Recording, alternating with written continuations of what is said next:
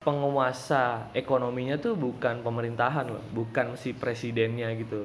Ya, gua nggak tahu sih John F. John F. Kennedy itu dibunuh karena si cincin-cincin batu. Ya, ya, dulu cincin batu rame banget tuh, rame banget. Sekarang Selamat datang di podcast Distraksi.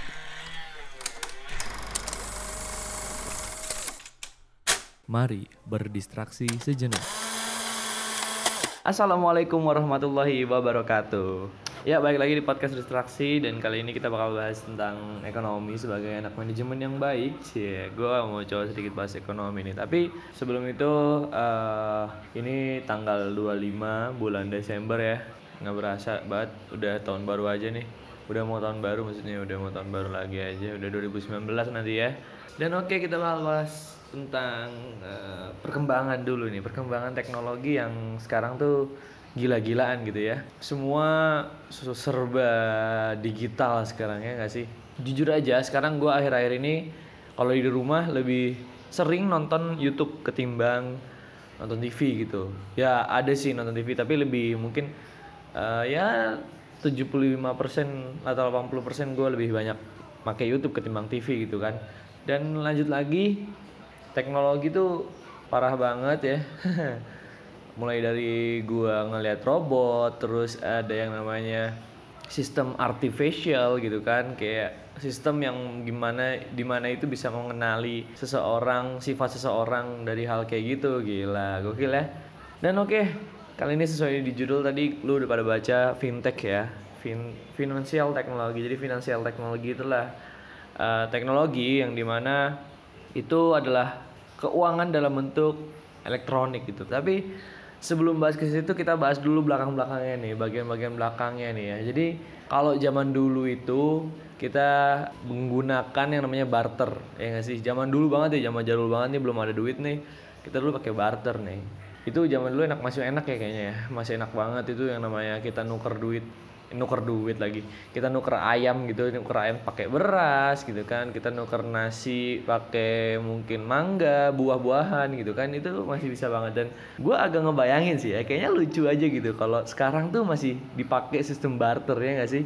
Kayak misal lu punya HP nih terus lu tuker pakai HP temen lu gitu kan. Jadi kayak barternya barter HP gitu tuker-tukeran HP gitu kan. Lucu aja gitu. Mungkin eh, kalau zaman sekarang masih pakai barter kayaknya ini deh perkembangan teknologi tuh nggak ada gitu.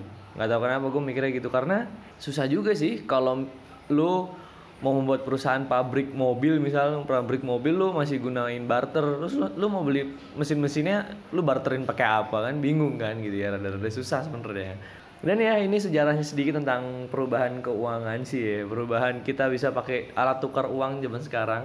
Dulu tuh barter itu punya masalah tersendiri yaitu adalah ketika ketidakcocokan antara barang yang lu barter sama orang lain. Jadi kayak misal gua nuker ayam sama lo gue pengen nasi nih. Tapi nasi yang lu berikan tuh cuma istilahnya nggak sepadan lah menurut gua gitu kan. Tapi menurut lu nih yang menukarkan nasi dengan ayam tuh sepadan gitu. Jadi percekcokannya di situ tuh. Akhirnya kalau di sebuah animasi yang pernah gue tonton karena tugas kuliah di video itu di animasi itu uh, ada seseorang yang penjual emas. Dia tuh menawarkan emas-emasnya si emas-emasnya bukan emas-emas Jawa ya emas emas koin koin emas itu menjadi alat tukar nih. Jadi semua orang di sana menukarkan barang-barang ya kayak misal lu punya beras ditukerin tuh sama koin emas. Nanti habis itu bisa koin emas itu bisa dibeliin apa dibeliin apa. Jadi awal mulanya pakai koin emas itu. Setelah adanya koin emas si pedagang emas ini kehabisan emas gitu ceritanya kan? Si pedagang emas ini kehabisan emas istilahnya zaman dulu tuh itu banknya gitu ya. Si bank ini kehabisan emas akhirnya dia mengeluarkan yang namanya itu namanya IOU gitu ya IOU istilahnya kayak surat berharga gitu surat yang bernominal emas gitu. Akhirnya orang-orang menukar dengan IOU terus si orang ini juga si bank ini juga cerdik banget ya dia tuh eh, mengeluarkan IOU yang banyak sehingga emas emas itu mulai ditukarkan lagi tuh. Emas emasnya itu koin-koin emas tuh ditukarkan lagi dengan IOU IOU ditukar-tukar. Habis itu akhirnya akhirnya alat tukaran menjadi si IOU itu. Dan emas tuh mulai disimpan sendirilah sama si banknya itu.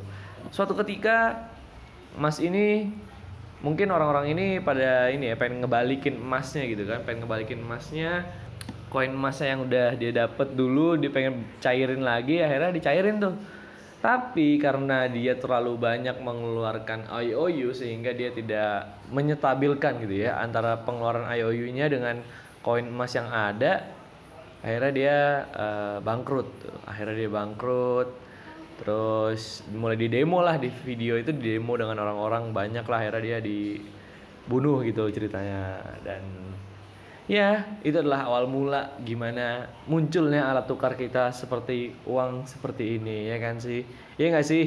Ya kan sih. Ya nggak sih? Jadi itu awalannya.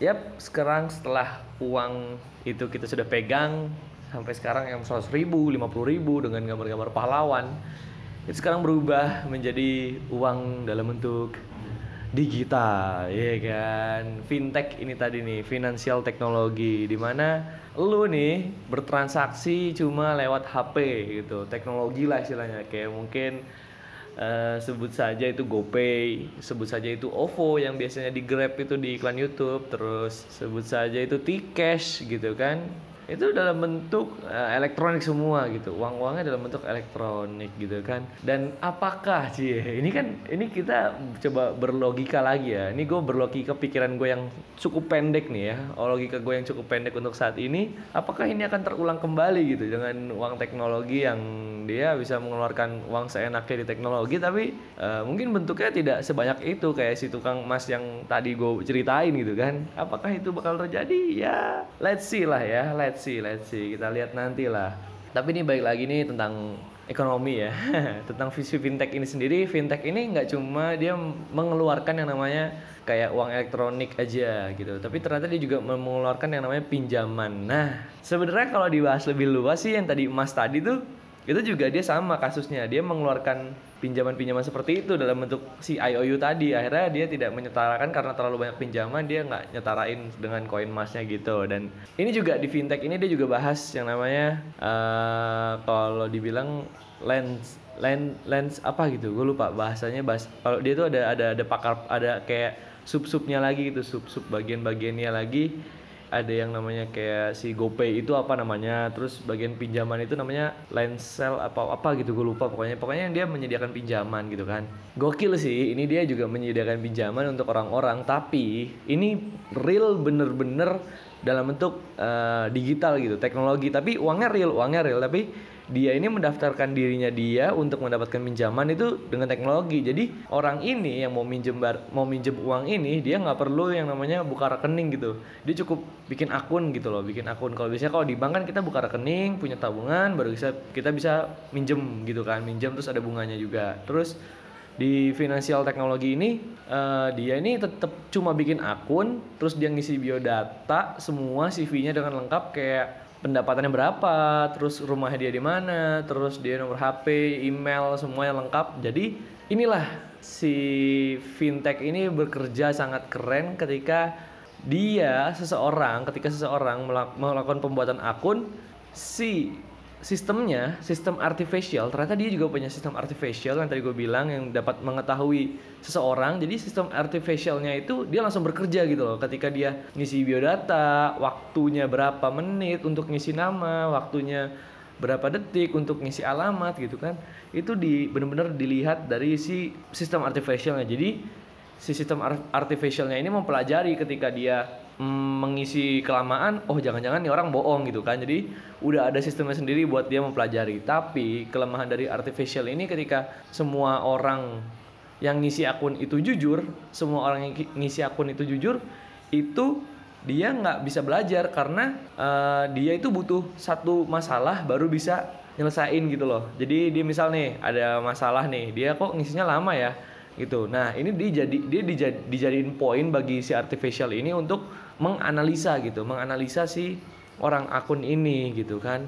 Jadi ketika orang semua jujur, artificial kayak nggak berfungsi, dia nggak belajar gitu. Ketika ada konflik, baru dia belajar. Istilahnya artificial ini kayak problem solving di otak kita gitu loh. Dia butuh suatu masalah untuk belajar gitu kan. Kita kayak kita manusia juga kita belajar dari pengalaman gitu kan.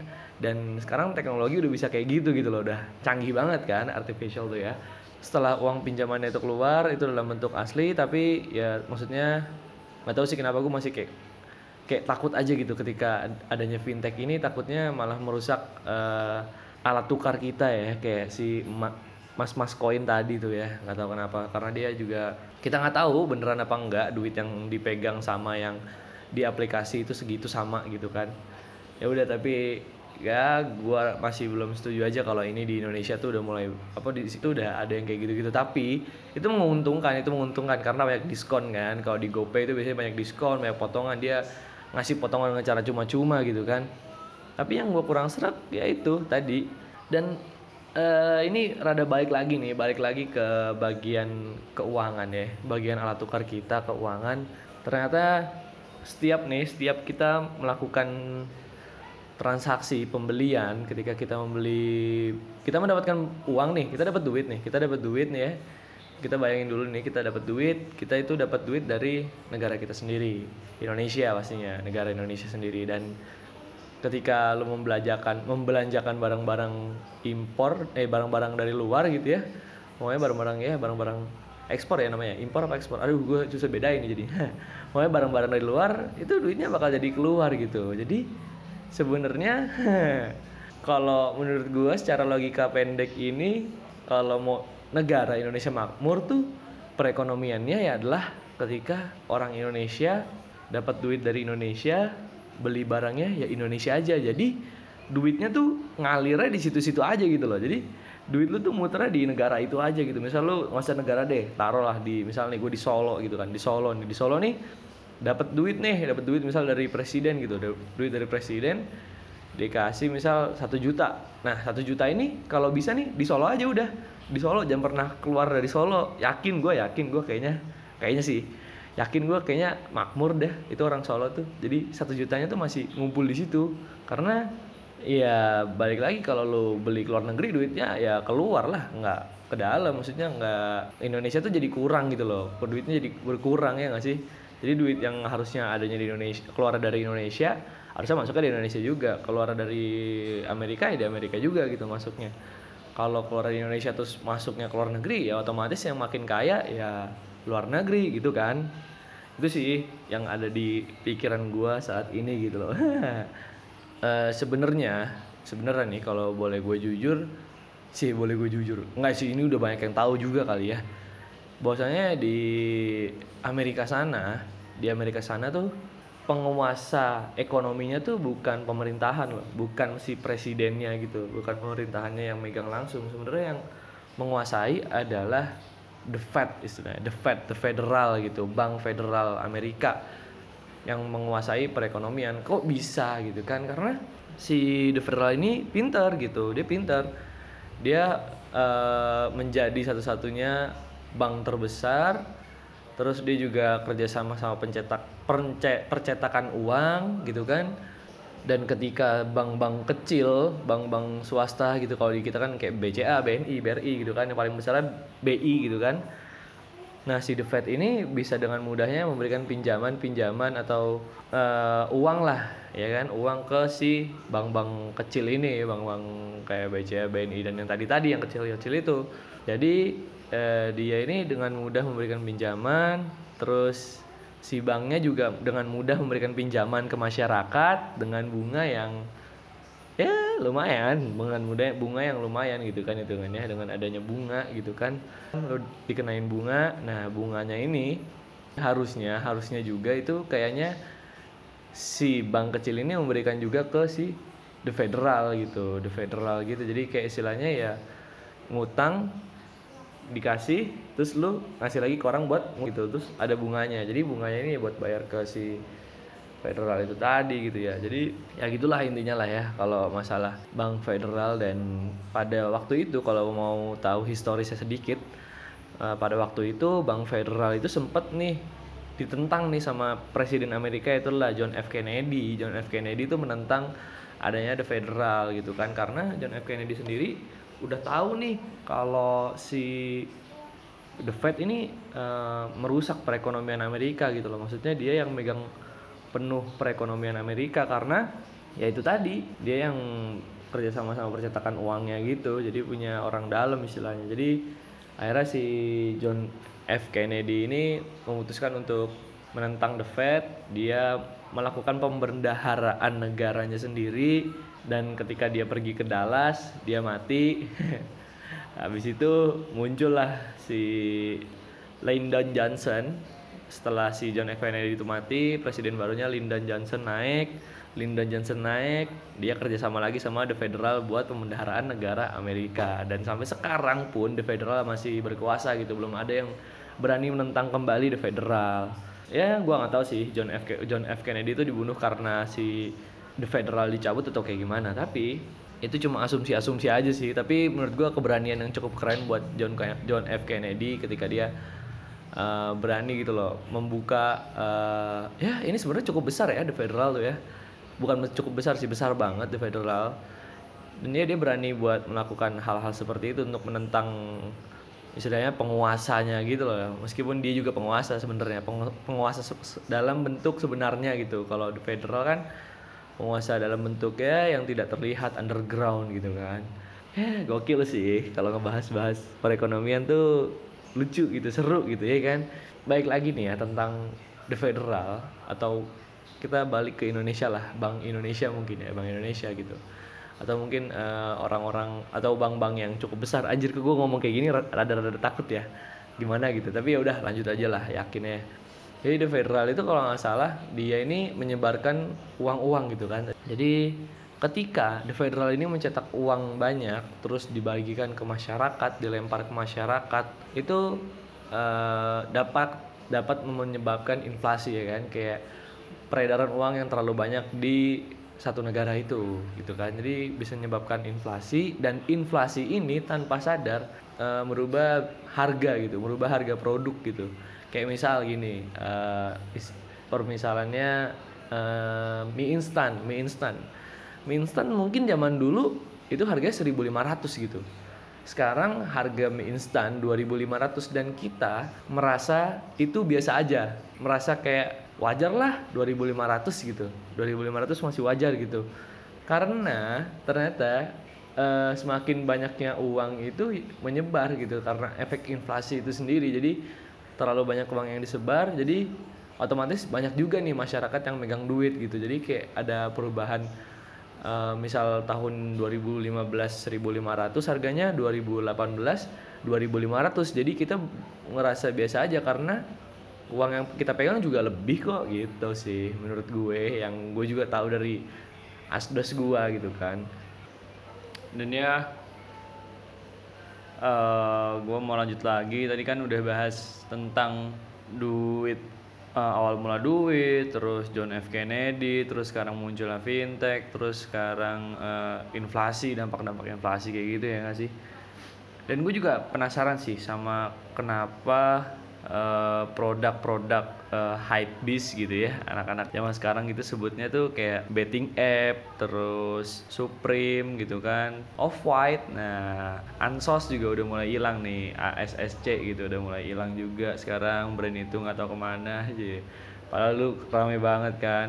Ya itu kenapa bisa mahal? Gue penasaran gitu kan. Terus akhirnya gue coba cari dia cari tahu lah di YouTube tapi gue nggak begitu mendalami gitu. Kenapa kok bisa si produk yang gue cari ini Supreme sih? Supreme tuh kok bisa mahal gitu ya. Ternyata kalau gue ngeliat video YouTube kayak nyari uh, kenapa Supreme mahal di YouTube gitu ya gue tulisnya. Jadi karena emang gue mau nyari gitu ya gue tulis dengan secara jujur aja kenapa Supreme mahal gitu kan. Terus ada video yang ngejelasin katanya Supreme itu awalnya uh, brand anak skate terus brand-brand yang disering pakai sama anak punk dan ternyata karyawan-karyawannya juga anak skate anak-anak punk gitulah geng-geng gitu. Dulunya awal kata Supreme cuma Supreme itu cuma toko doang terus habis itu jadi sebuah brand gitu kan? E, kenapa Supreme ini mahal? Karena pertama dia tuh adanya di luar negeri e, ya wajar lah di luar negeri terus kita beli di Indonesia jadi mahal. Terus eh, lagi-lagi yang namanya e, kolaborasi nih sama selebriti gitu ya. Nilai barang tuh bisa berpengaruh loh ketika ada artis ternama yang make itu gitu. Jadi dia collab sama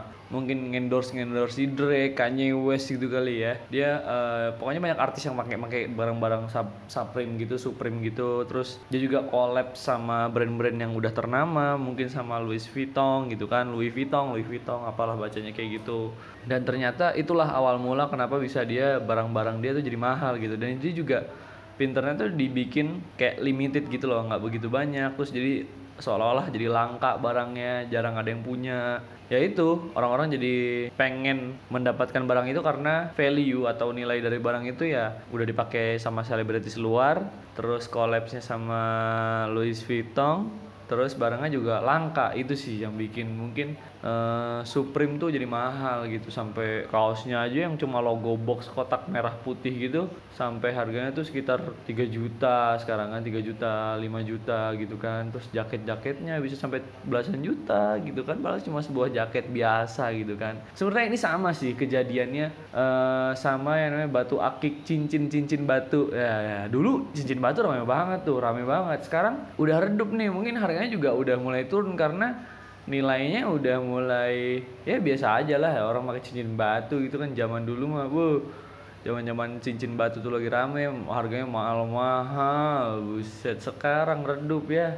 Orang mau jual batu juga ya udah nih beli dah berapa? gitu karena emang eh, buat apa juga udah nggak musim gitu ya. Apakah ini berlaku dengan Supreme? Boleh kasih tahu gua di DM atau email gitu ya ketika barang brand sebuah brand apakah cuma musiman aja? Musim-musim hype beast musim-musim hip hop hip hop gitu. Apakah itu cuma berpengaruh pada zamannya? Kayak mungkin anti sosial sosial club juga kayaknya sekarang udah redup. Apakah di harganya turun atau gimana? Gua nggak tahu juga. Jadi nanti lu kasih tahu gua. Jadi gua nggak begitu meneliti tentang hal itu sih. Tapi gua penasaran aja karena bahasan ekonomi terus gua mau bahas sih barang-barang gitu value dari produk gitu. Ya gokil sih ya kalau ngomongin ekonomi ya. Dan kesimpulannya adalah gue berharap banget nih dengan adanya teknologi-teknologi yang semakin menjamah ke masyarakat semakin menjalar ke masyarakat semakin berkembang semakin maju gue berharap banget jangan sampai ngerusak yang namanya eh, jiwa sosial manusia sih yang itu sih. Yang pertama tuh itu jiwa sosial manusia. Kayaknya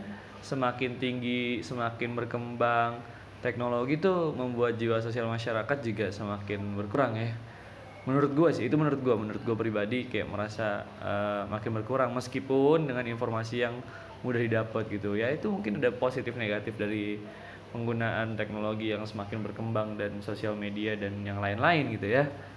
Mungkin sekarang juga lebih bagian positifnya yang gue seneng adalah ketika kayak misal ada website kitabisa.com itu dia lu bisa donasi di situ. Ketika lu mau membuat eh, bukan membuat ya eh, ya open donasi gitu membuat donasi open donasi buat orang yang sakit. Bantuan terhadap eh, mungkin ini ya yang sedang terjadi sekarang adalah bencana tsunami di eh, Banten dan juga Lampung kayak gitu.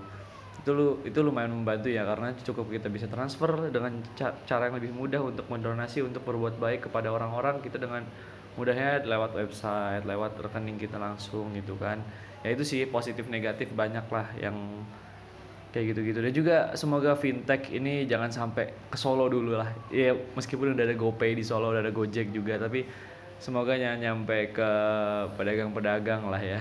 Karena di Cina nih ya yang gue tahu di Cina yang gue tahu dari seminar gitu di Cina itu ternyata semuanya udah pakai finansial teknologi mulai dari tukang mainan, tukang buah, tukang jajan-jajanan pinggiran itu semua dia punya eh, barcode tersendiri untuk membayarnya gitu sih. Ya meskipun dia juga tetap masih menerima uang lembaran alat tukar biasa tapi kata di semin- kata pembicara di seminar itu eh, ketika lu ngeluarin duit orang itu mukanya rada bete karena dia pengennya lebih praktis aja di scan lewat barcode-nya gitu sih yang gue tahu. Yang gue yang yang dikasih tahu- cerita dari dia juga. Jadi ya udahlah kesimpulannya gitu aja kali ya. Semoga eh, fintech ini ya positif negatif lah. Tapi ini gue masih belum serak aja kalau ada financial teknologi merambah ke masyarakat apalagi masyarakat kecil gitu ya. Kasihan aja gitu. Karena listrik aja belum semuanya dapat mungkin ya di Indonesia. Nggak tahu juga sih.